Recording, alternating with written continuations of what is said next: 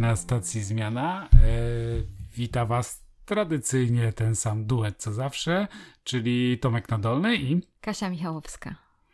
E, dzisiejszy odcinek będzie z bardzo ciekawym człowiekiem. Ma dużo do powiedzenia, ale też polem, w którym on tą swoją chęć do przekazywania różnych komunikatów realizuje, jest internet i używa go w sposób bardzo ciekawy, więc być może wiele z, wielu z Was, wiele z Was zna go właśnie y, z internetu. Niektórzy mówią o nim pan Snapchat czy profesor Snapchat, e, bo między innymi potrafi te nowoczesne kanały używać w procesie dydaktycznym e, i między innymi o tym będzie też e, ta rozmowa. Przemek Staroń, bo to jest nasz gość, mówi o sobie, że jego misją życiową jest otwieranie oczu. I faktycznie sami dostrzeżecie, słuchając go, że naprawdę jest taką osobą, która się zapala, która szuka nowych idei, nowi, nowych wizji.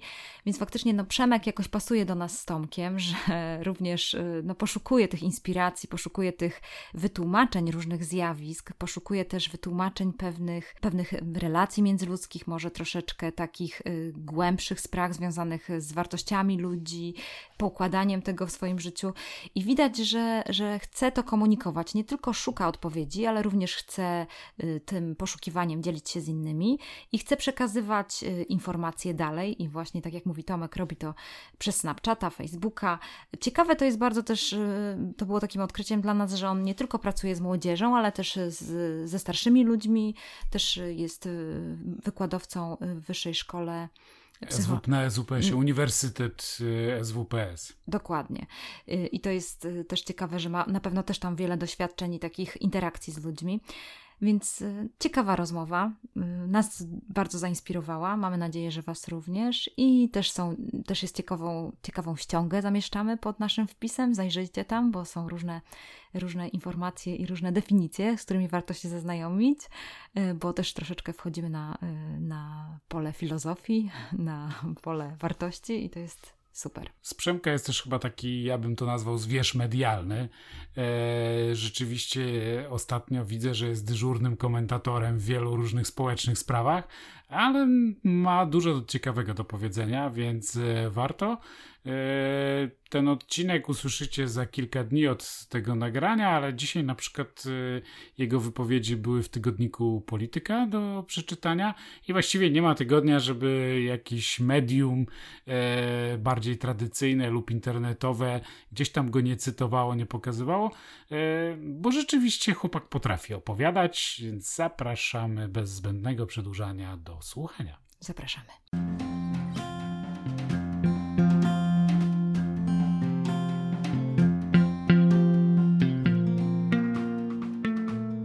Dzień dobry, witamy na stacji Zmiana.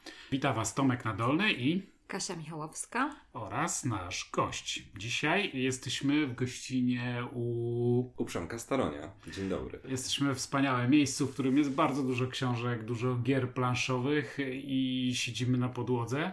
Tak, siedzimy na kocach. Musicie to sobie wyobrazić, że gdziekolwiek się znajdujecie, możecie teraz usiąść sobie wygodnie, żeby posłuchać naszej rozmowy. Przemku, czy możesz powiedzieć coś o sobie, czym się zajmujesz? Jesteś niesamowicie inspirującą osobą i dlatego chcieliśmy zaprosić Cię na stację Zmiana. Mam nadzieję, że też nas wszystkich zainspirujesz. Powiedz, czym się zajmujesz, bo na pewno to, co byśmy powiedzieli o Tobie, by było czymś za mało nieopisującym, jaki, jakimi działalnościami się zajmujesz.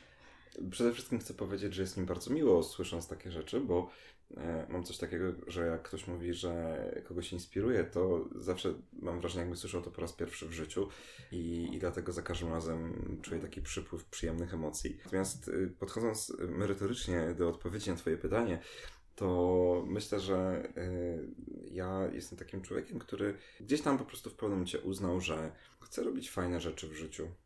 I staram się po prostu robić fajne rzeczy, a jako, że dla mnie fajne rzeczy mają najczęściej związek z pracą z innymi ludźmi, z jakimś takim stymulowaniem myślenia. Na Facebooku kiedyś napisałem sobie w tym opisie, że pomagam w otwieraniu oczu. To dokładnie tym się zajmuję. Jako psycholog gdzieś tam pomagam ludziom, począwszy od y, grup takich na przykład, nie wiem, więźniowie w zakładzie karnym, skończywszy na szefach korporacji. Pomagam y, patrzeć na świat szerzej, y, bardziej kreatywnie, bardziej też krytycznie. I pomagam, nie wiem, także na przykład seniorom w tym, żeby bardziej zrozumieli jakieś tam cele swojego życia i zobaczyli, że życie cały czas nawet tam po 60, 70 czy nawet 90 może być w ogóle super. E, a jednocześnie od zawsze byłem pasjonatą e, kultury, sztuki, filozofii, religii, dlatego też e, hobbystycznie poszedłem uczyć do szkoły, e, ucząc wiedzy o kulturze, ucząc etyki, e, filozofii. No i granie dwa główne obszary mojej pracy. Firma, którą prowadzę ze swoim partnerem, Centrum Rozwoju Jump oraz właśnie szkoła. I w ramach tego Centrum Rozwoju Jump współpracuję z Uniwersytetem z UPS, Uniwersytetem Trzeciego Wieku, wieloma różnymi podmiotami.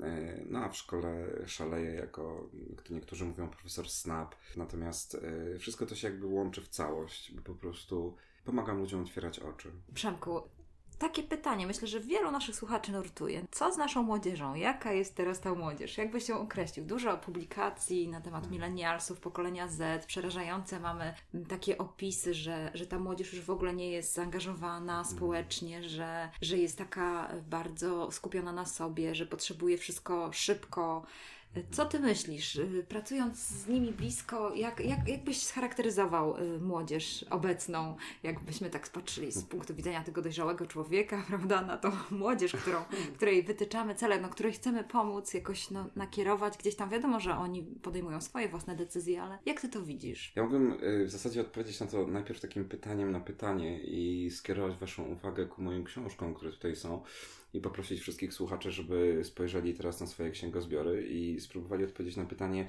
jakie są książki, które widzicie? No jakie są te książki? Dużo psychologii, Kilka, dużo religii, no, o kultury, polityki. O, kultury, polityki. Rok dobrej zmiany. O, e, I filozofia. Mhm. Jest Świeżasty, Tatarkiewicz i Reale. Jest Seneca, no to jesteśmy minut. w domu. A, swoją drogą bardzo się cieszę, że tutaj tak y, wskazujecie na różne tytuły, które są dla mnie także ważne. Zobaczcie, że każdy, kto by popatrzył na ten księgozbiór, mógłby odpowiedzieć na to pytanie na różne sposoby. Ktoś by, wy, w sensie zaczęliście mówić obszarami tematycznymi, wskazywać konkretne tytuły. E, myślę, że nie jedna osoba mogłaby powiedzieć, no te książki są na przykład, nie wiem, kolorowe, tu jest dużo niebieskich, dużo żółtych, tak? E, sporo jest takich, które, nie wiem, ledwo się mieszczą na przykład e, w regale i tak dalej. Jakby, kiedy słyszę pytanie, na przykład, jaka jest jakaś grupa społeczna, tak? Częściej słyszę pytanie, jacy są seniorzy, jaka jest młodzież. To zawsze odpowiadam, że naprawdę trudno jest na to odpowiedzieć, gdyż przede wszystkim my jakby, kiedy próbujemy opisać takie grupy, to musimy jakby wybrać jakieś kryterium, na podstawie którego będziemy opisywać, tak? I to może brzmieć jakoś zbyt teoretycznie, ale to, jak ktoś kiedyś powiedział, nie ma nic bardziej praktycznego niż dobra teoria. I czasami rzeczy, które brzmią mega teoretycznie, są tak naprawdę bardzo praktyczne.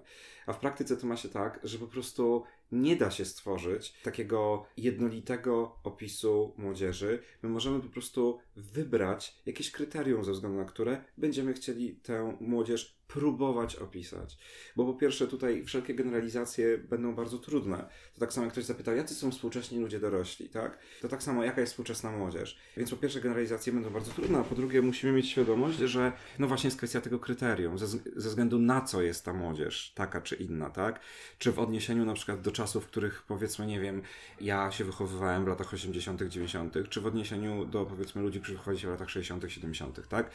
Yy, czy mówimy tutaj na przykład o ich funkcjonowaniu fizycznym, czy o, o funkcjonowaniu poznawczym, czy o funkcjonowaniu moralnym i tak dalej, i tak dalej. Więc sorry za ten przydługi taki może analityczny wstęp, ale naprawdę jest trudne. Ja bardzo, bardzo, bardzo uczulam ludzi na to, żeby zamiast stawiać pytanie, jaka jest ta młodzież, poszukać być może jakiejś bardziej takich pytań, na które mi już łatwiej dostać odpowiedź. Jedno jest pewne, że świat współczesny, ta druga dekada XXI wieku, generalnie jest no, dramatycznie inny niż świat, który i tutaj musimy wybrać właśnie jakąś podstawę analogii, który na przykład był w latach 90. To jest zarówno w kwestii, powiedziałbym, takich y, zdobyczy cywilizacyjno-technicznych, jak i też w ogóle różnego rodzaju świadomości społecznej i tak dalej, i tak dalej. I teraz siłą rzeczy, ktoś, kto na przykład dorastał na początku lat 90., będzie miał jakby inną świadomość niż osoba, która na przykład dorasta w dzisiejszych czasach. Mówimy w psychologii na to, że to jest tak zwany efekt kohorty, że porównywanie różnych grup y, wiekowych jest o tyle zawsze trudne, że tak naprawdę ten efekt kohorty, czy jakby efekt pokolenia, y, mówiąc jeszcze bardziej ogólnie, jakby efekt czasu, w jakich się rodzisz, może być tak znacząco różny. Dlaczego ty mówię? Dlatego, że na przykład często słyszę teraz, że a, młodzież to w ogóle w tej chwili to nie widzi świata poza telefonami. Okej, okay. jakkolwiek w ogóle brzmi to oczywiście bardzo oceniająco. Gdyby wyciągnąć z tego jakąś taką merytoryczną esencję, to może po prostu chodzi o to, że młodzież bardzo często korzysta z telefonów komórkowych, zaznaczmy może dookreślając ze smartfonów, bo nie widzę młodzieży, która by korzystała ze starych modeli Alcatela, więc ta młodzież być może często z tego korzysta, posługuje się tymi smartfonami w różnych sytuacjach swojego życia i tak dalej. Tylko, że to tak naprawdę to stwierdzenie, ono pozostawia nas bez pewnego kontekstu, który tutaj w dużej mierze no, jednak może zweryfikować, że tak powiem, ten obraz, z tego względu, że gdyby ludzie urodzeni tak jak ja w latach 80. mieli dostęp do pewnych zdobyczy cywilizacyjnych, e, być może oni byliby tak samo, my bylibyśmy w sensie tak samo odbierani jak ta współczesna młodzież, tak? Idąc dalej, oznacza to, że ciężko jest tę młodzież definiować ze względu na takie jakby no, rzeczy, które właśnie się pojawia, pojawiły dopiero na przykład niedawno. To tak samo jakby miałem porównać człowieka ze średniowiecza i, i człowieka współczesnego, tak? I wyciągając z tego taki jeden bardzo sensowny wniosek, bardzo by się z nim zgodziła pana Marple z książek Agaty Christie, natura ludzka jest wszędzie taka sama. Mówiąc krótko, ta młodzież współczesna ma dokładnie te same aspekty człowieczeństwa, mówiąc tak górnolotnie, a schodząc do poziomu psychologii, ma te same potrzeby, te same uczucia, te same sposoby poznawania świata, aparat percepcyjny i tak dalej. Dokładnie to wszystko ma takie same, tak jak młodzież lat 60., 70., 80. i tak dalej. Jedyne co różni, to to, że po prostu są w tej chwili inne narzędzia. I w tym kontekście można powiedzieć, że ta młodzież na przykład, dajmy na to, nie wiem, żyje w świecie cyfrowym. Tak, ale ona żyje w świecie cyfrowym, to znaczy, że ona jest cyfrowa. Okej, okay, ten świat cyfrowy bardzo oddziałuje generalnie na metabolizm informacyjny i tak dalej, tak? Często ci młodzi ludzie, oni są właśnie wychowani w takich realiach, że nie są w stanie na przykład e, być poza tym, tak? Ale miejmy tę świadomość. I ja powtarzam tak mantrę. To są młodzież współczesna jest taka sama jak młodzież niewspółczesna, tylko ma inne oprzyrządowanie. Mhm. Czyli narzędzia się zmieniają, a czy nie zmieniają przypadkiem wyzwania, które czas współczesny przed nimi stawia? Czyli trochę, czy nie determinuje też sposobów, w jaki muszą funkcjonować? Bo, bo pewnie trochę inaczej funkcjonują niż na przykład maturzyści, niż ja funkcjonowałem w 91 roku, kiedy ja maturę zdawałem. Funkcjonują inaczej, bo, bo są specyficzne wyzwania. Widzisz je na przykład takie jak, nie wiem, ten, ten strasz bardzo szybki pęd zmieniania się rzeczywistości, czyli właściwie co kilka lat jest kompletnie inaczej. I jak oni zaczynają liceum, to świat jest jednak zdecydowanie inny, kiedy go kończą. Nie? To coś posunęło się, rzeczy się pojawiły, które kompletnie zmieniają sposób, w jaki odbieramy rzeczywistość. Czy, czy to tak nie jest trochę, że narzędzia jak najbardziej, no bo to postęp technologiczny zwłaszcza odcisną na tych narzędziach swoje piętno, ale czy też jednak wyzwania inne i sposób, oni muszą jakoś sobie z tymi wyzwaniami radzić, radzą sobie w trochę spe, specyficzny pewnie sposób, który może czasami razi trochę starszych ludzi, to oni żyją w swoich czasach i oni muszą jakoś sobie z nimi radzić i może, może to jest ten powoduje taki dysonans w tym, jak my, jak my, czy jak bywają oceniani ludzie na przykład z tego pokolenia milenialsów. Ja chcę podkreślić, że tak jak powiedziałem na samym początku, tak, świat się zmienił i tak jak dodałem później, że najprawdopodobniej to wszystko zmieniło też metabolizm informacyjny młodych ludzi i, i tak naprawdę oni oczywiście, że pod wpływem tego wszystkiego się zmieniają, bo tak jak e, przecież już mamy w filozofii bardzo często e, takie ukierunkowanie myśli, że e, kontakt generalnie z, e, dajmy na to, nie wiem, ze światem zewnętrznym zmienia nas, tak? To jest tak samo jak na przykład w fizyce wiemy o tym doskonale, że obserwator wpływa na to, co jest obserwowane. Natomiast jakby chciałbym podkreślić bardzo jasno, że jakakolwiek analiza dotycząca młodzieży musi wyjść właśnie od tych jakby cech, które są takie same, od tych cech fundamentalnych. I te cechy się nie zmieniły. Dlaczego o tym mówię? Dlatego, że bardzo często słyszę na przykład, że yy, pokolenie Z w ogóle ma gdzieś relacje, bo im wystarczy Snapchat i tak dalej. To jest nieprawda. I to wychodzi w badaniach, że to pokolenie Z ono potrzebuje głębokich, realnych relacji właśnie tym bardziej potrzebuje, bo oni się urodzili tak naprawdę, można powiedzieć, na morzu cyfrowości, pewnej takiej efemeryczności i w ogóle pewnego takiego poczucia, że jesteśmy tu i teraz w internecie coraz zniknie ale to nie oznacza, że ta potrzeba została wyrugowana. Dlatego jakby chodzi o to, żeby zawsze w takiej analizie najpierw bardzo mocno się skupić na tych fundamentalnych rzeczach, które są naprawdę takie same dla całej natury ludzkiej, mówiąc trochę tak metaforycznie, a dopiero potem możemy szukać tych różnic. I te różnice, tak jak powiedziałem, one wypływają ze świata, w którym tam młodzież żyje i to dokonuje pewnej korekty ich samych. I właśnie tak jak y, Tomku świetnie powiedziałeś, absolutnie to chodzi między innymi o wyzwania, tak? To jest to, co powiedzieliśmy wcześniej, że chodzi o to takie powiedzmy w ogóle o te kwestie narzędzi i to nie tylko absolutnie cyfrowych. To chodzi w ogóle o, powiedziałbym, jakby charakter rzeczywistości. To jest to, co na przykład mówił Zygmunt Bauman, tak, że mimo wszystko my żyjemy w czasach takiej płynnej nowoczesności, yy, gdzie generalnie pewne rzeczy, yy, one faktycznie funkcjonują zupełnie inaczej, na przykład, nie wiem, dajmy na to w czasach wiary jeszcze y, takiej modernistycznej, w oświecenie, w postęp i tak dalej.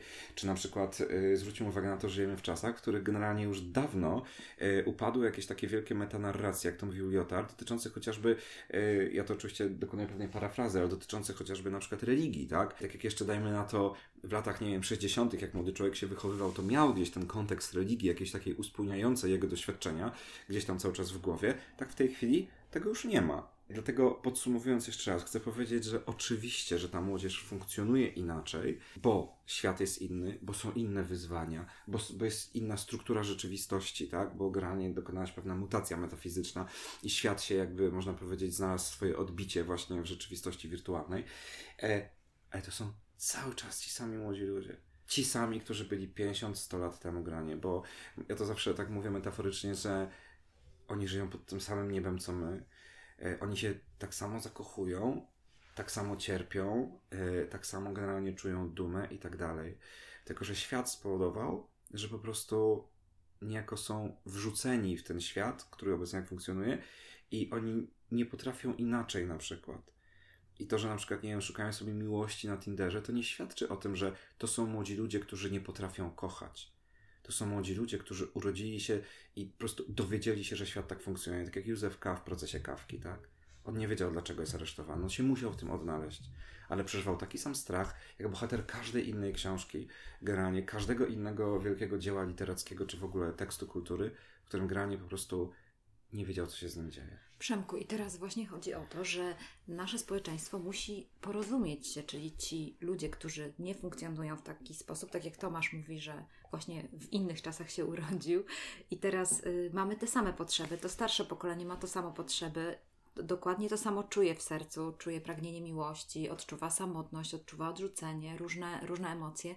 I teraz wiem, że ty właśnie przebiłeś tą barierę i, i starasz się mówić do serca y, młodzieży. Chcesz, chcesz jakby pomimo te, tej różnicy też y, i kulturowej, i w, że w innym jakby skaczesz, dla nich jesteś... Skaczesz w ich świat, żeby go lepiej Tak, opisać. skaczesz w ich świat. Jesteś y, jakby, no, no właśnie urodzony w tym innym pokoleniu, ale mimo to właśnie patrząc na ich potrzeby, patrząc na ich serce, starasz się powiedzieć coś im do serca. I powiedz mi Przemek, jak to zrobić, bo mi się wydaje, że to jest o tyle ważne, że to jest ważne nie tylko dla nauczycieli, ale to jest ważne dla rodziców, którzy na przykład Prawda. czują się w ogóle ceni, nie rozumieją tego, co się dzieje z ich dziećmi. Wiadomo, no, że jest też ten proces nastolat, to jest naturalne, że nastolatek musi pewne Indywiduację przeżyć. przeżyć. To jest oczywiste, na, y, zrozumiałe ale wydaje mi się, że, że mm, rodzicem, no właśnie z tego co słyszę też y, tak y, i, i, rozmawiam, czują się po prostu zagubieni, że, że właśnie tak jak mówisz, te stereotypy, on siedzi ciągle w telefonie i tak dalej, ale Chodzi mi o to, że, że jak ty przebiłeś się w takim swoim myśleniu, to po pierwsze, a po drugie w swoim działaniu. Ciekawe przede wszystkim jest Twoje pytanie, bo y, ono wyzwala we mnie takie poczucie, że mógłbym na to odpowiedzieć jakimiś mega rzeczami, a z drugiej strony ubrać to w jedno zdanie jest dosyć trudno. Ja może powiem po prostu tak, że ja zawsze w swoim życiu żyłem z jakimś takim poczuciem, że warto, jeżeli na coś warto tracić czas, to tylko tracić czas trzeba na rzeczy fajne. E, a jednocześnie miałem zawsze bardzo dużą wyrozumiałość do różnych czynności, obowiązków, które po prostu musiałem w życiu robić. To znaczy, że na przykład, nie wiem, studiowałem i były przedmioty, które mnie nudziły, to ja wiedziałem, że ja muszę to zdać, tak? I jakby z tym nie dyskutowałem, ale jednocześnie wiedziałem, że jakby nie chcę się temu poświęcić. To znaczy, że co trzeba, to, w sensie co trzeba zdać, to trzeba zdać i tyle, ale jednocześnie nie zatrzymywać się po prostu i iść dalej i szukać swoich pasji. E, bardzo głęboko żyje we mnie taka modlitwa, która, e, jak się okazało, jest chyba modlitwą powtarzaną na przykład e, przez członków AA. Panie Boże, daj mi odwagę, żebym zmieniał to, co zmienić mogę. Daj mi siłę, żebym godził się z tym, czego zmienić nie mogę. I w końcu daj mi mądrość, żebym umiał odróżniać jedno od drugiego. Jakby kluczowe dla mnie jest właśnie to, jakby właśnie ta mądrość w odróżnieniu, tak? Powiedzmy tego, co trzeba zrobić od tego, co jest fantastyczne. I ja po prostu zawsze starałem się właśnie iść ku temu, co jest wow, tak? Po rozróżnieniu, aha, dobra, to jest jakiś tam, powiedzmy, niezbyt ciekawy przedmiot, to trzeba go zdać, ale o, to jest super i temu chcę się oddać. I kiedy zacząłem mieć dosyć wcześnie granie, kontakt yy, taki, powiedzmy, zawodowy yy, z młodzieżą, yy, z dziećmi i zacząłem z nimi pracować, to jakby od początku miałem poczucie, że oni mają tak samo że oni pewnie no, też muszą się nudzić różnymi rzeczami, a jednocześnie pociągają ich inne rzeczy. I po prostu ja sobie wtedy powiedziałem, kurka, skoro ja traciłem tyle czasu w życiu, żeby na przykład siedzieć na lekcjach, które mnie nudzą, żeby dajmy na to siedzieć na przedmiotach, na studiach, które mnie nudzą, to dlaczego w ogóle ja muszę im fundować to samo? I stwierdziłem, może to połączmy. Jeżeli oni muszą coś zaznać, tak, no to generalnie przecież ja mogę zrobić to tak, żeby to było ciekawe. I jakby z tym podejściem najpierw szedłem jeszcze jako w zasadzie licealista. Szedłem właśnie do pracy z grupami jakimiś takimi. Na zasadzie, nie wiem, byłem opiekunem na rekolekcjach na przykład, tak? I stwierdzałem, okay, skoro przez trzy godziny, dajmy na to przed obiadem, są te dzieciaki poddane mojej opiece, no to zróbmy tak, żeby dla nich to było fajne i żeby dla mnie to było fajne. Ja nie wiem, co w tym jest skomplikowanego po prostu, tak? I, I zacząłem widzieć, że to naprawdę super działa. I tak rok po roku coraz jakby bardziej w tym utwierdzałem, oczywiście powiększając jakby swój zakres, tak? Znaczy, yy, widząc, że młodzież oczywiście jest grupą super, z którą chcę pracować na pewno, ale widząc coraz bardziej też wiele innych grup, z którymi chciałem pracować. I granie w tej chwili, w zasadzie po, tak sobie liczę, po 13 latach, od kiedy zacząłem pracować tymi pierwszymi grupami jeszcze jako licealista, to powiem szczerze, że ja sobie nie wyobrażam inaczej. Czy to są, mówię, więźniowie na przykład, czy to są osoby niepełnosprawne, czy to są osoby bezrobotne, czy to są naprawdę szefowie korporacji. Moim celem jest po prostu to, żebyśmy wspólnie nie tracili czasu. I tak jak na przykład często właśnie różne osoby mówią, że nie wiem, że nie wiem, ja ciekawie prowadzę zajęcia i tak dalej. No tak, bo, bo na inne rzeczy nie mamy w życiu czasu. Życie jest krótkie. I jakby uważam, że po prostu nie traćmy tego czasu, zarówno my, którzy na przykład jesteśmy prowadzącymi, jak i ci, którzy są naszymi odbiorcami. I to jest jakby moim zdaniem jedna po prostu rzecz. Yy, taka wspólnota zainteresowania, wspólnota ciekawości. Ja przecież już nie będę może cytował, ale granie już, nie wiem, w starożytnej filozofii, nie wiem, Platon, Arystoteles mówili, że tak naprawdę wszystko się rodzi ze zdumienia wszechświatem, tak? I to jest wałkowane, nie wiem, widzimy to u Szymborskiej, widzimy to granie w Dezyderacie i po prostu wszędzie tak naprawdę, nie wiem, tak jak Campbell pisał w swojej potędze mitu, że od tego się wszystko zaczyna. Od takiego stwierdzenia, Boże, kiedy świat jest zachwycający. I tak jak to w Dezyderacie jest świetnie powiedziane, że z całym swoim znojem, trudem i rozwianymi marzeniami ten świat wciąż jest piękny. I ja po prostu jestem takim, można powiedzieć, yy, nie wiem, jak to tak fajnie powiedzieć prosto i krótko, ale jakby jestem takim Janem Chrzcicielem tego piękna, które jest w świecie, tak? Ja po prostu przychodzę i je ogłaszam. Halo, zobaczcie. Natomiast druga rzecz jest taka, to jakby myślę, że to dotyczy kwestii w ogóle ustawienia się w relacji. E, nie chcę teraz się zastanawiać, skąd to w sobie mam, bo to zresztą jest drugorzędne być może w tej chwili, ale po prostu zawsze miałem takie poczucie, że e, jakby, że z ludźmi najfajniej się rozmawia wtedy, kiedy jedna i druga strona czuje się komfortowo. Do tego w ogóle doszła analiza transakcyjna i, i teoria asertywności i w ogóle, że tak... A dla mnie to jest po prostu takie, wiecie, coś takiego na zasadzie, czego się nauczyłem u babci i dziadka na działce, nie? Że generalnie jak ja im źle skopię grządkę, a oni mi dadzą poziomek, to się będziemy czuli yy, wspólnie niefajnie, więc ja im zrobię dobrze tę grządkę, oni zrobią poziomki, będzie super, nie? I ja po prostu zawsze miałem takie poczucie, że to naprawdę to jest najprostsza rzecz na świecie. Zrobić tak, żebyśmy, w sensie ja jako jedna strona, ty czy wy jako druga strona, żebyśmy czuli się spoko. No, no i generalnie na przykład, nie wiem, pracując z młodzieżą, staram się po prostu wychodzić w ten sposób, że no tak, ja stoję przed powiedzmy, nie wiem, 30 osobami, czy nie wiem, 400, jeżeli jest jakiś wykład. No i co? No i przede wszystkim ja chcę się czuć fajnie, tak? Nie chcę się czu, czu, czuć przez nich, nie wiem, ośmieszany czy cokolwiek innego. Chcę się po prostu czuć fajnie, komfortowo. Chcę się czuć potrzebny i ważny. I tak samo oni. Oni chcą się czuć przeze mnie traktowani w sposób właściwy, szanowany i tak dalej. Po prostu o, o nic innego nie chodzi w życiu, no.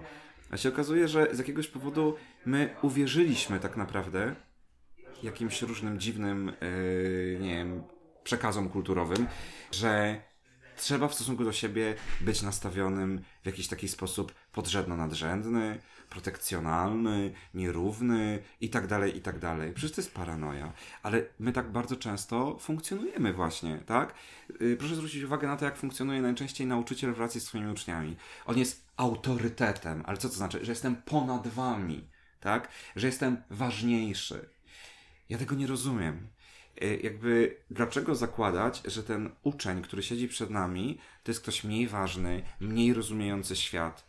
Przecież ten uczeń do jasnej anielki, on ma zgromadzonych tyle doświadczeń. Ta jego tabula, lokowska tabula rasa, ona się od małego dziecka, w zasadzie od życia płodowego, zapisuje wielością różnych wspaniałych doświadczeń.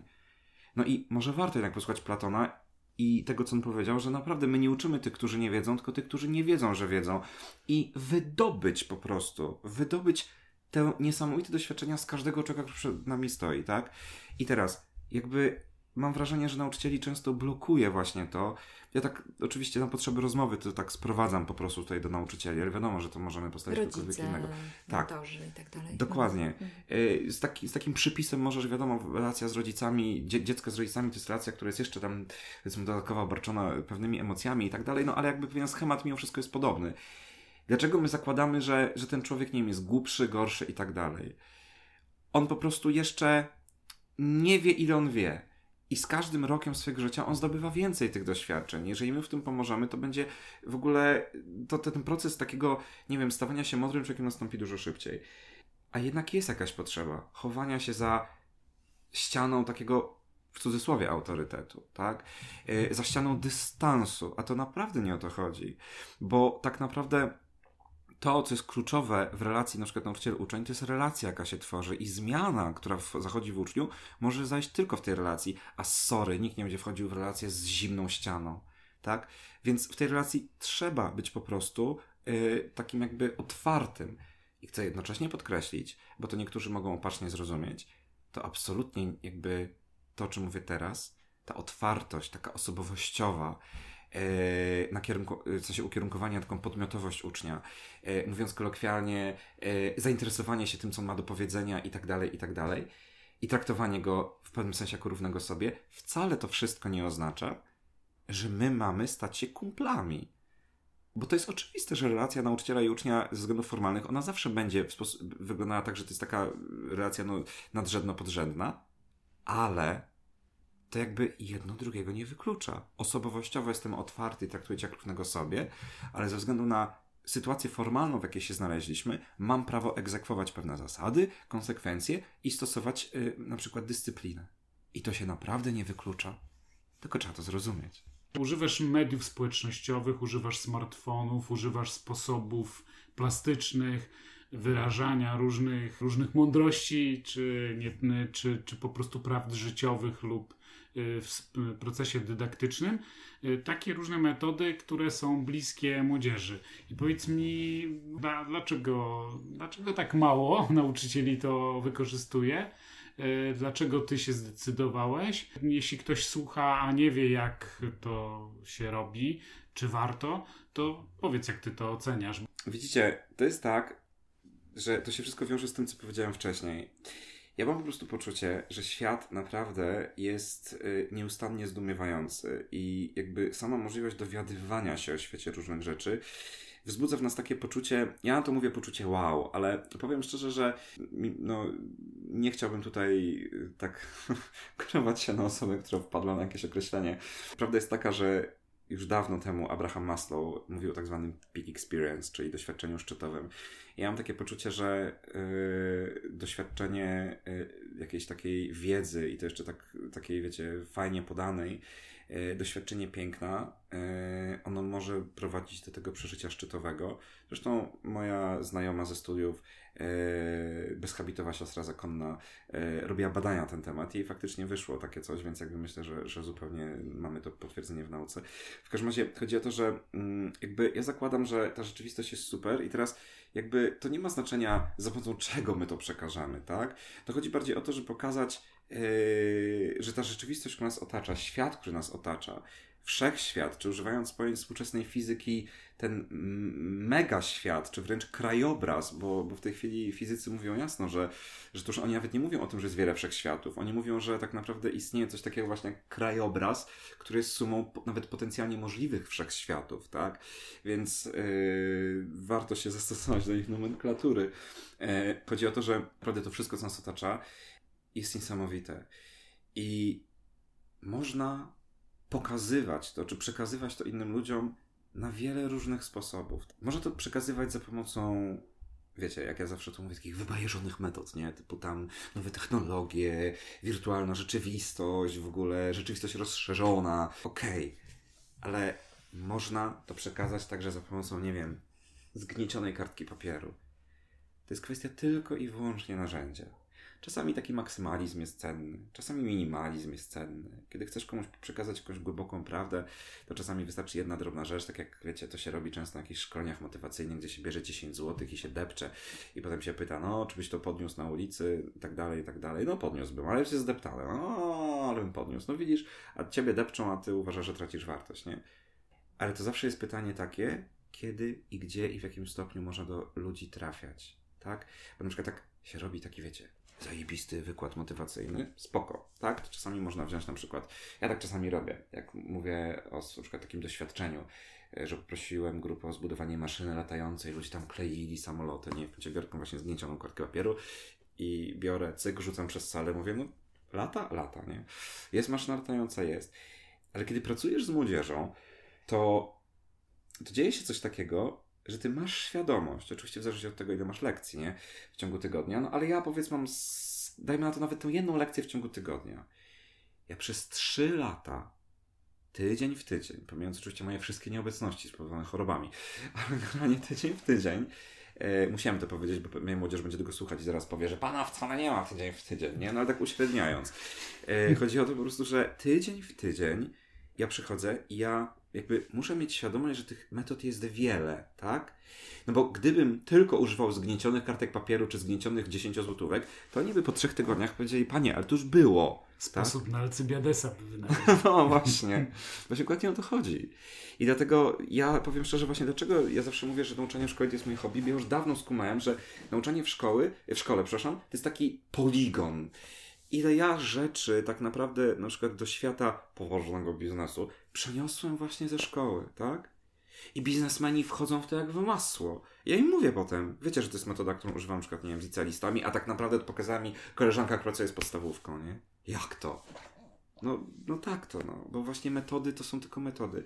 E, natomiast jakby zadaliście pytanie wprost tutaj dotyczące mediów społecznościowych, no ja to zawsze mówię, że to jest taka trochę meta metoda, tak, że jakby e, media społecznościowe stały się w mojej pracy mm, nie taką dosłownie metodą, tylko takim czymś, co to wszystko spaja, bo po prostu e, jakby one same w sobie mogą być metodą, w momencie, kiedy na przykład mamy Snapchata i nie wiem, wysyłamy sobie filosnapy, gdzie oni, młodzież w sensie pokazują mi na przykład, że znaleźć jakieś skojarzenie generalnie e, z filozofią, a bardzo lubią to robić. Ostatnio jakiś uczeń wysłał mi zdjęcie bidonu z siłowni, na którym był, wiecie, nie wiem, firma się nazywa Russell Hobbs. Nie? No, omawialiśmy zarówno Russella, jak i Hobbsa, nie? Czy na przykład, nie wiem, dziewczyny są na shoppingu i wysyłają, pana, pana, jak pan zobaczy, Arystoteles byłby dumny, a patrzę nazwa spodni Avicenna, nie? Komentatora Arystotelesa. Więc jakby, okej, okay, to, to oczywiście mówię, jest tak gdzieś tam służy wzmacnianiu wiedzy tej filozoficznej, ale to daje jakby, zaspo... znaczy, nie wiem, spełnia dużo więcej funkcji. Bo to spełnia funkcję komunikacyjną, to spełnia funkcję taką nawet bym powiedział terapeutyczną na przykład, tak? Ta możliwość komunikowania się przez te media społecznościowe. Eee, ja jak byłem pierwszy raz na takim dużym wydarzeniu, gdzie o tym mówiłem, w sensie, w sensie na Social Media Convent, E, w 2016 roku, to ja w ogóle byłem zszokowany reakcjami ludzi, bo ja naprawdę tam poszedłem w zasadzie, no, chciałbym po prostu powiedzieć, ja miałem takie poczucie, że idę do ekipy, nie wiem, social mediowców, fajnie jakby mnie nie wyśmiali z tym, a oni po prostu zareagowali w ogóle tak wow, że ja byłem naprawdę w szoku. I potem tak myślałem, kurka, ale dlaczego generalnie, dlaczego?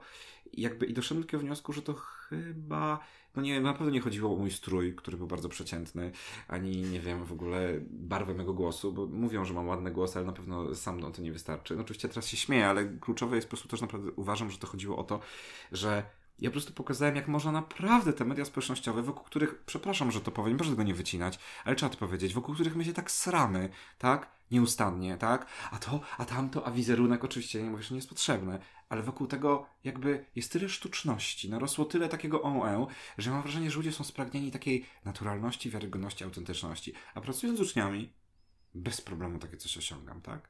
Oczywiście też wiadomo, mając te zasady, o których mówiłem też wcześniej, tak, traktowania ich równo i tak dalej. Więc jakby to nie jest kwestia tylko tego, że nie wiem, my się uczymy filozofii za pomocą przykład Snapchata, tak? My się w ogóle komunikujemy, my w ogóle uczestniczymy w swoich życiach. E, to jest bardzo ważne, bo ja mam dostęp do ich na przykład majstory wrzucanych na Snapchata, ale także do ich zdjęć na Instagramie, tak? I co jest ciekawe, oni wiedzą o tym, że ja mam tego dostęp. Więc, więc mam nadzieję, że jakby wszyscy są świadomi tego, że, że jakby jakby no, to czasami robi jakieś takie, tworzy dziwne sytuacje, tak? Bo na przykład widzę niepełnoletniego ucznia z piwem, tak? I wiecie, ktoś powie, o, ja bym przestał korzystać z tych mediów społecznościowych, bo to, bo to by stawiało mnie w trudnej sytuacji. Ja mówię, i dzięki Bogu, że mnie stawia. Bo dzięki temu ja mogę mieć poczucie realnego wpływu, bo w tym momencie ja na przykład mogę przetestować swój warsztat pracy. Czy ja na przykład napiszę, ej, sorry, nie powinieneś czegoś takiego wrzucać, czy ja na przykład to skomentuję w jakiś inny sposób. Ja powiem tak, że ja y, mam taką zasadę, że na przykład jak widzę, nie wiem, kilka tam różnych rzeczy w ciągu roku, to ja po prostu tak zbiorczo, gdzieś tam w ramach zajęć podchodzę do tego. Tak i zbiorczo, na przykład rozmawiamy o bezpieczeństwie w sieci, też o łamaniu prawa, e, to się może źle skończyć. Miałem kiedyś taką jedną poważną rozmowę z uczennicą, kiedy po prostu zobaczyłem, że zdjęcia, które wrzuca, no, odsłaniają bardzo dużo jej ciała i po prostu powiedziałem, słuchaj, wiesz co, tak na bieżąco uznałem, że muszę zareagować. Powiedziałem, słuchaj, to jest naprawdę ryzykowne, bo te zdjęcia, wiesz, yy, ty nie wiesz, co się z nimi stanie, tak? Y, jesteś bardzo atrakcyjna i to miej tę świadomość, jakby myślę, że nie musisz udowadniać światu, znaczy sobie samej poprzez pokazywanie światu prawie całego odsłoniętego ciała. Bo po takie pokazywanie, no mówię, może skończyć dla ciebie bardzo źle, tak? I ja, wiecie, ja to teraz skracam to, co powiedziałem. To nie było absolutnie żadne paternalistyczne. To bardziej było takie coś na zasadzie, że ja po prostu z troską im powiedziałem, słuchaj, na twoim miejscu bym naprawdę to usunął. I wiem, że niektóre osoby powiedziały, o, ty powinieneś zrobić rozróbę i tak dalej, tak? Ja mówię tak, czasami warto robić rozróbę, czasami warto i ja absolutnie uważam, że są sytuacje takie w pracy psychopedagogicznej, gdzie trzeba po prostu uderzyć pięścią w stół i po prostu powiedzieć mocno. Czasami nawet uważam powiedzieć rzeczy wulgarne. E, miałem jakąś taką sytuację, jak powiedziałem jednej z klasie, jednej z klas, którą byłem bardzo zżyty. Na samym końcu yy, w trzeciej klasie oni tak czekali na jakieś moje pożegnanie ja powiedziałem, kochani, ja mam do powiedzenia tylko jedną rzecz, bo wiecie, jak was uwielbiam, ale wiecie, jak jestem bardzo zaniepokojony różnymi rzeczami, które się w tej klasie zadziały. Nie jestem waszym chowawcą, więc ja to jakby zostawiam. Natomiast powiem tylko tyle tak szczerze. Nie spierdolcie swojego życia. I powiedziałem, nie? I po prostu trochę tak nie byłem pewien, czy mogę, nie? Wiadomo, że teoretycznie nie. Natomiast kilka lat później, pamiętam, spotkałem jakąś jedną z tych absolwentek z tej klasy i tak coś wróciliśmy do tego, bo już o tym zapomniałem nawet. A ona powiedziała, że w ogóle to była dla mnie najważniejsza lekcja życia, jaką dostałam. Że ktoś, kogo szanuję, nie pozwolił mi spierdolić życia. Więc myślę po prostu, że czasami yy, paradoksalnie no, można minimalistycznie i też za pomocą łamania pewnych konwenansów społecznych osiągnąć dużo więcej. Tylko trzeba też wiedzieć generalnie, że łamanie konwenansów społecznych y, musi być mądre, musi być rozwagą i nie może się wiązać z łamaniem prawa, bo to są zupełnie dwie różne rzeczy. Przemek, a jak stoisz na tej stacji i taki machasz na pożegnanie, bo w sumie klasa maturalna to taka stacja. Mhm. Oni wchodzą dalej w życie, którym może ci pozwolą gdzieś dalej mieć kontakt z tobą przez Instagrama, a może nie. Może cię zablokują, e, a może tak. zlikwidują profil. Ale co, co czujesz? Boisz się o nich? Masz wielką nadzieję? Jesteś z nich dumny? Ja powiem tak, że jakby kiedy widzę tych ludzi idących w świat i to zarówno tych, których gdzieś tam jestem wychowawcą, jak i tych, których wychowawcą nie jestem, ja paradoksalnie jestem o nich bardzo spokojny. Dlaczego? Dlatego, że ja mam taki, yy, nie wiem, mam takiego farta uczyć w liceum, które, yy, to jest drugie liceum w Sopocie, które naprawdę yy, no jest liceum wyjątkowym, bym powiedział, bo ja nie spotkałem się w sumie wcześniej, zanim zacząłem uczyć, z, jakimś takim, z jakąś taką inną szkołą, gdzie tak naprawdę na serio bierzesz pod uwagę emocje ucznia. Wiadomo, bo ktoś może powiedzieć, y, nie wiem, że a, ale ja tam miałem konflikt z taką panią i tak dalej. Oczywiście, że tak. To nie jest liceum idealne, tylko chodzi po prostu o to, że to jest takie liceum, w którym jakby mm, różne rzeczy się mogą zadziać jak w każdym, tak? Jakieś, nie wiem, konflikty, problemy, ale to chodzi o taki paradygmat wychowania. Bo na przykład w liceum, którego ja chodziłem, było, no, co by nie mówić zupełnie inaczej. Tam emocje ucznia nie miały znaczenia. Jest to przykro mi mówić, ale granie, no, różne rzeczy gdzieś tam miały miejsce. I teraz właśnie na podstawie tej różnicy ja mogę powiedzieć tak, że o nich jestem spokojny. Bo jak ja chodziłem do mojego liceum, nie chcę jakoś tutaj za bardzo różnych historii opowiadać, bo, bo to jest też jakby, mimo wszystko mam tam różne miłe wspomnienia i w tym momencie nawet nie mam ochoty jakoś opowiadać o tych negatywnych rzeczach, ale jedno jest pewne, że jakby ja sam będąc licealistą, nie rozumiałem tego, jak można tak bardzo nie widzieć tego, co jest najważniejsze dla ucznia świat jego emocji i relacji. Doznawałem tego ja sam, widziałem też moich znajomych. Mieliśmy na przykład, nie wiem, w klasie kolegę, który, ja jestem przekonany, że miał w ogóle zespół Aspergera. I nie wiem, no jakby nigdy nie mieliśmy czegoś takiego, że, że ktoś by przyszedł, pogadał z nami. W ogóle tak jakby pewne problemy w ogóle nie istniały.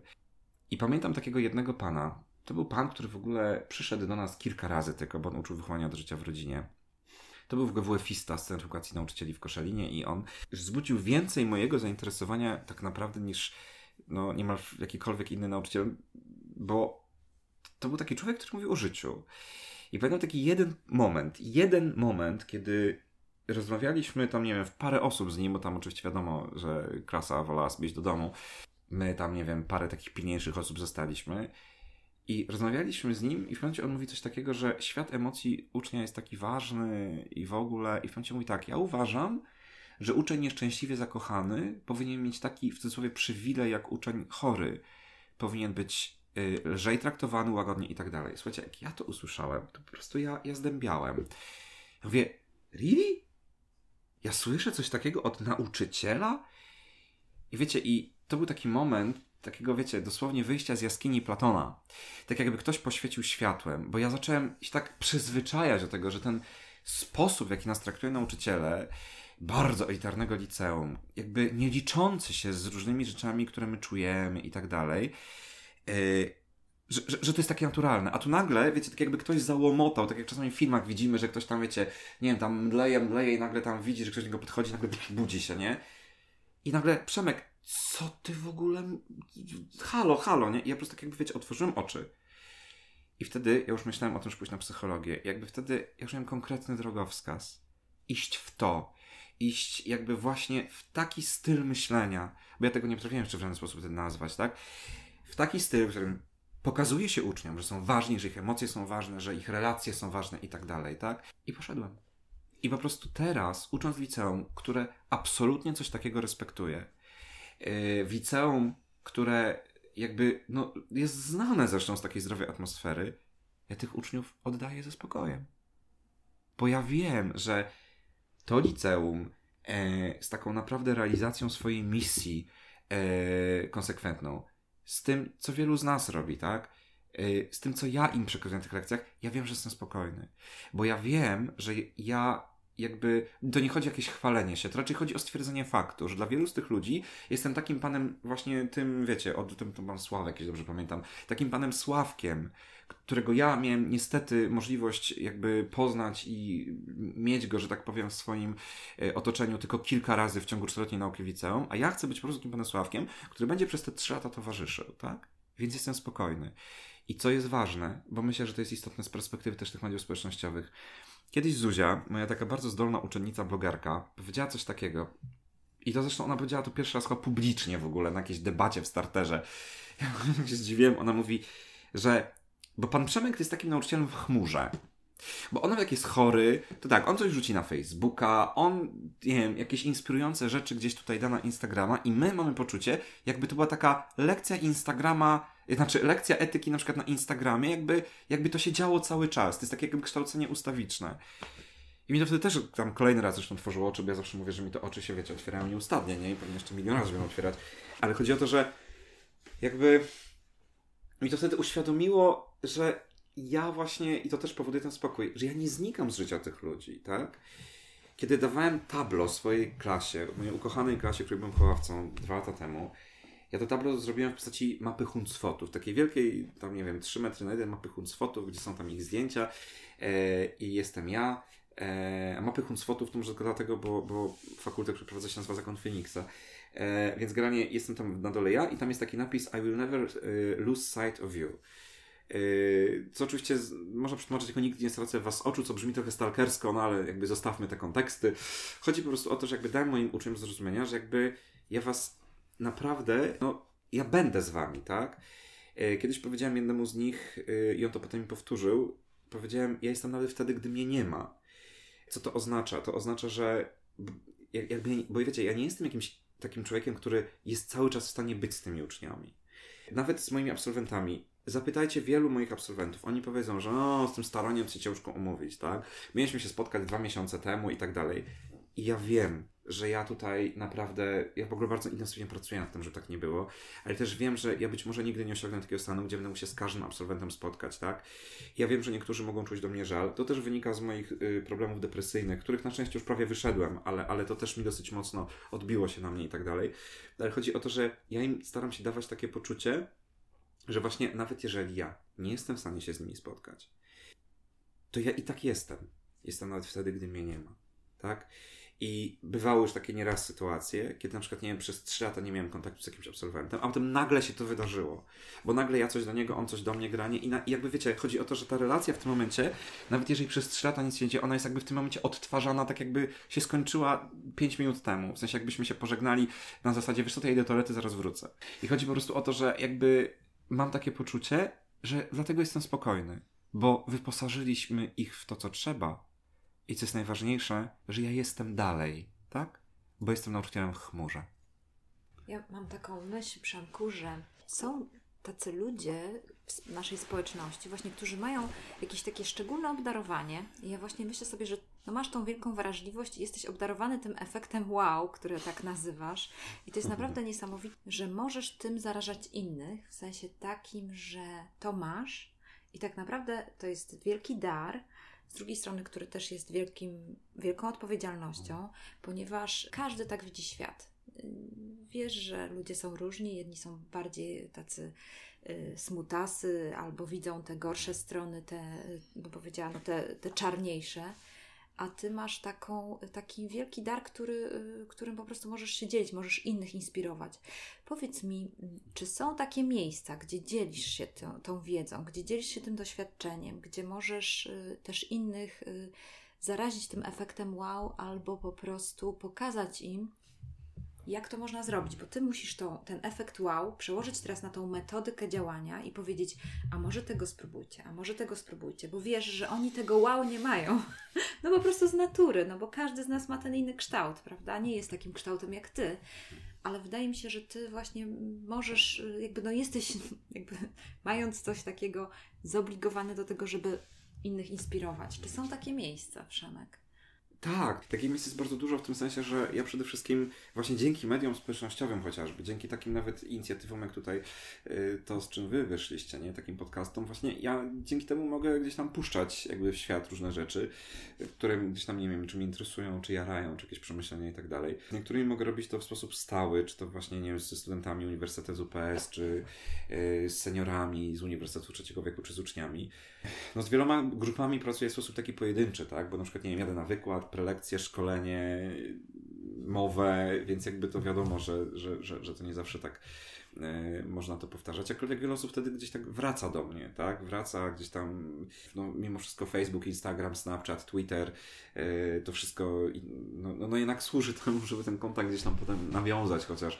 I, i dlatego mam takie poczucie, że dosłownie my na naszym Centrum Rozwoju Jump, naszej stronie internetowej, mamy taki tekst cały świat Twoją salą szkoleniową. I ja do tego tak naprawdę podchodzę. Nam jakby chodzi przede wszystkim o to, że my możemy robić szkolenia dosłownie wszędzie i na różne sposoby i faktycznie zdarzało się robić nawet, nie wiem, w ogóle na 10 metrach kwadratowych jakiejś kuchni w ogóle, bo całe pomieszczenie okazało się, że pracowników było zamknięte. Ale odnosząc to do mnie samego, to jakby ja w cudzysłowie mogę sobie mównicę i mikrofon ustawić wszędzie to może być, nie wiem, nawet w jakimś małym gdzieś miejscu, gdzie siedzę tylko z jedną osobą.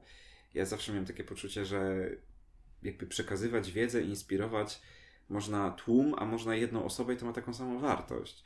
Kiedy była jakaś taka sytuacja, że na mój wykład, pamiętam Wejherowie, y, seniorzy, jak oni się nie, nie wiedzieli, przyszła dwie osoby, nie?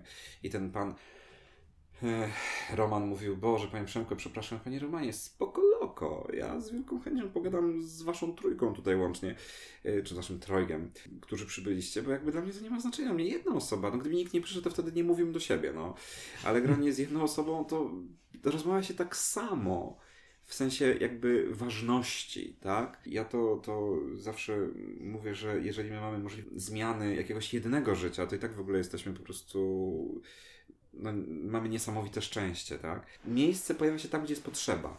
Ja staram się gdzieś tam nadawać, y, przede wszystkim mówię i na Facebooku, i na Instagramie, i na Snapchacie, ale to jest bardzo ważne. Ja to ludziom powtarzam od lat ja nie mam żadnego personal brandingu, żadnej kam, nie wiem, kampanii wizerunkowej, nic takiego. Ja to po prostu robię, bo tak czuję, tak? W sensie, jak mi się dwa dni nie chce coś rzucać na czegoś, rzucać na Facebooka, albo nie wiem, chcę nagrać na Snapchacie, dajmy na to, nie wiem, jakąś taką, wydawałoby się bzdurę, to po prostu to robię. Bo to czasami padają pytania, na przykład, słuchaj, a ty się dzielisz swoim życiem prywatnym? Ja mówię, tak, oczywiście, że się dzielę. Bo właśnie ja na przykład powiem szczerze, nie do końca rozumiem, znaczy szanuję, tak, ale nie do końca rozumiem ludzi, którzy y, na przykład y, mają na Facebooku swój profil prywatny i jakby profil oficjalny, to też swoje imię, nazwisko.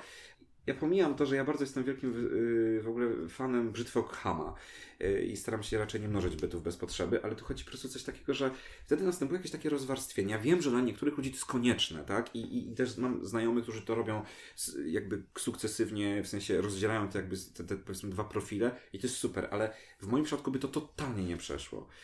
Y, I właśnie, ponieważ ja mam świadomość, że jakby ja też zaświadczam swoim życiem. Bo ja bardzo głęboko sobie, nie wiem, wziąłem do serca to, co powiedział Jezus. Świadkami bądźcie, tak? Już nie chodzi tylko, nie wiem, o gadanie, tak? Zresztą gadanie to w ogóle jest tutaj rzeczą którąś tam. Świadkami bądźcie. Więc ja wiem, że ja muszę swoim życiem zaświadczać generalnie, tak? Więc ja chcę zaświadczać całym życiem, tak? Nie chcę czegoś takiego, że na przykład, nie wiem, uuu, w ogóle, a tu się tak kreuje. Nienawidzę kreować się I to w pewnym momencie też powiem szczerze, na przykład właśnie było takie, się tak zastanawiałem, bo nie wiem, wszyscy wokół mnie wiedzieli o tym, że ja jestem z ale było coś takiego, że, że no, to nie było tak publicznie eksplicite zawarte. Ja to tak sobie siadłem i stwierdziłem, kurka, no przecież to jest niepoważne, tak? Bo ludzie mówią, jeżeli ja jestem zwolennikiem wiarygodności, autentyczności, przejrzystości, no to ja w tym cię sam się od tego odgradzam. I stwierdziłem, nie, nie, nie, czas z tym skończyć, tak? I się bardzo z tego cieszę właśnie, bo jakby ja właśnie chcę dawać też przykład, człowieka yy, nie tylko tego, który uczy, ale też tego, który po prostu żyje, tak? Który żyje, tęskni, kocha i w ogóle i tak dalej, bo, no bo inaczej się nie da. Słowa uczą, przykłady pociągają, tak? A tak jak powiedział kiedyś świętej a pamięci arcybiskup Życiński, który znany był w ogóle ze swoich wspaniałych, złotych myśli, ale powiedział zdanie, które mi się strasznie wryło w ogóle w beret, jak on powiedział coś takiego, że świat współczesny ma dosyć drogowskazów, które nie podążają wskazywanymi przez siebie drogami, tak? Dlatego naprawdę usilnie staram się podążać drogami przez siebie wskazywanymi. Jednocześnie jak wiem, że jakąś drogą podążać nie mogę, to o niej nie mówię. Palę papierosy? Palę. Boleje mnie to? Boleje. Ale przynajmniej nie mówię ludziom, dzieciom, macie przestać palić, bo byłby nieautentyczny. Ja mówię, wiecie o tym doskonale, że to jest złe, ale nie usłyszycie ode mnie, że macie przestać palić, bo byłbym hipokrytą. I to się wszystko sprowadza do tego, mm, w zasadzie do początku Twojego pytania, Kasiu, jak Ty powiedziałeś właśnie, że o, że ja jestem takim człowiekiem, yy, który ma w sobie wow i tak dalej. Mam wrażenie, że moje podstawowe i główne zadanie w życiu to jest praca nad samym sobą.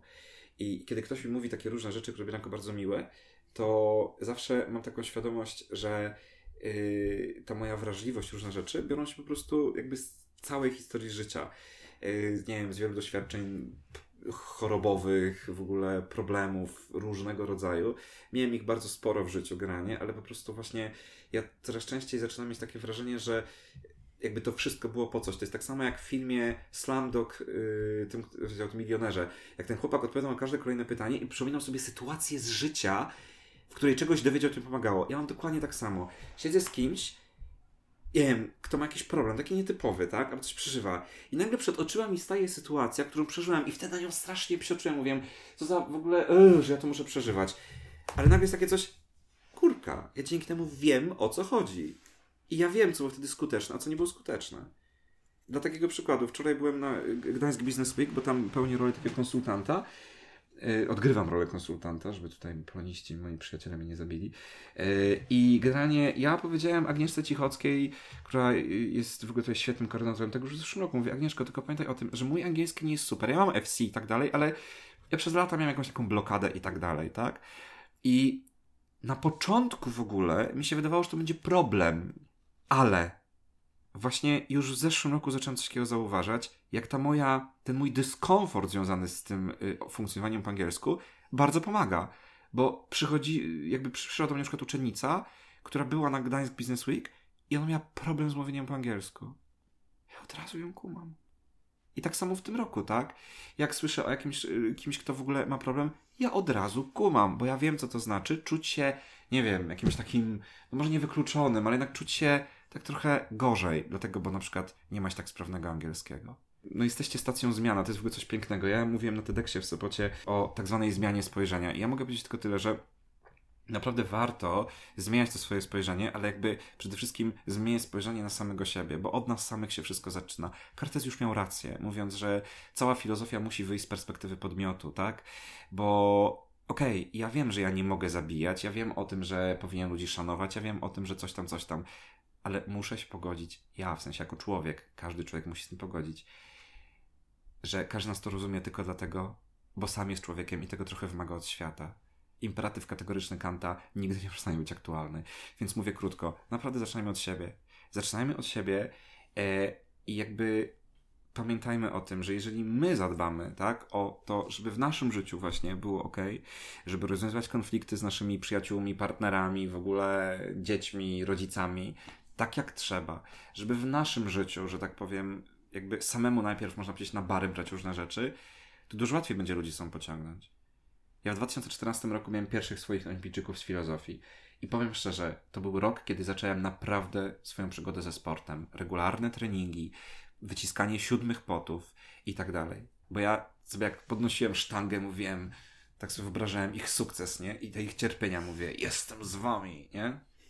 Więc zaczynajmy od siebie po prostu. Będziemy kończyć naszą rozmowę. Moglibyśmy tutaj rozmawiać długo. Zachęcamy Was do zmiany świata, zaczynając od siebie, od zmiany siebie. I wiele tych innych myśli, które tutaj padło, e, na pewno Was bardzo zainspirowało mnie. Tak, Tomka na pewno. Już ja jestem przekonany, że też każdy ma gdzieś w jakiejś dziedzinie potrafi to efekt wow Dokładnie. stworzyć. I Załączyć. fajnie byłoby, gdybyście spróbowali to odnaleźć, bo Przemek ma określony dar i trochę o tym można było usłyszeć, aczkolwiek e, polecam też obserwować, e, jak ten dar przekazuje innym. E, ale każdy z nas ma jakiś dar i każdy z nas ma takie rzeczy i kiedy się przyjrzycie swoim znajomym i sobie, mm to zobaczycie, że tak jest po prostu. Ja mogę coś dodać jeszcze? Na pewno. to, co powiedział Tomek, to jest super, bo w ogóle właśnie to jest ta myśl, która mi się kołatała po głowie chyba ze trzy razy podczas tej rozmowy. Właśnie, że dokładnie o to chodzi. Jakby każdy ma takie coś niesamowitego w sobie, co może rozwijać. E, I na tym polega jakby mądrość życiowa, żeby mieć, uwaga, adekwatny obraz siebie i pozytywną samoocenę.